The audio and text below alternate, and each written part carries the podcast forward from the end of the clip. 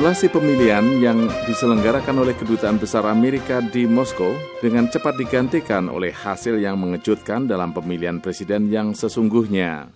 Dimitri Trenin, Direktur Carnegie Center di Moskow mengatakan, Well, I think for some people it was disbelief.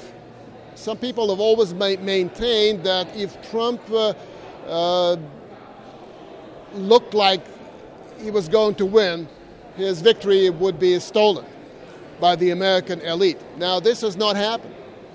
And uh, that sends a message to, including to the people in the Kremlin, that democracy works in America. Saya rasa sebagian orang tidak percaya, sebagian orang selalu merasa bahwa jika Trump tampaknya akan menang, kemenangannya akan dicuri oleh kelompok elit Amerika. Sekarang itu tidak terjadi dan ini mengirim pesan termasuk kepada orang-orang di Kremlin bahwa demokrasi berjalan di Amerika. Demikian ujar Dimitri Trenin, Direktur Carnegie Center di Moskow. Presiden Rusia Vladimir Putin mengucapkan selamat kepada Donald Trump dan mengatakan dia berharap dapat bekerja sama dengan Presiden Amerika berikutnya untuk memperbaiki hubungan yang sedang krisis saat ini. Di jalan-jalan di Moskow, kemenangan Trump disambut baik oleh sebagian besar warga Rusia.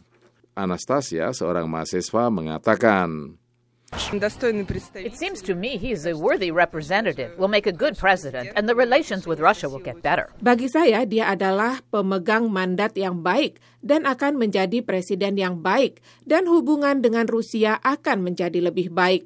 Demikian ujar Anastasia, seorang mahasiswa. Tapi liputan media Rusia dan pujian bagi Trump selama kampanye meningkatkan harapan bagi pria tanpa pengalaman politik yang seharusnya tidak menang dan yang kebijakannya belum jelas itu. Victor Kremenyuk dari Arias Institute of USA and Canada menyampaikan alasannya. Because they have already created another Trump. He's good, you know, he likes Putin, Putin likes him. Nothing is absolutely sure. It's too early to try to impose such things, you know, on the leaders. Nevertheless, you know, even on the TV, they say, oh, Trump is our guy, you know.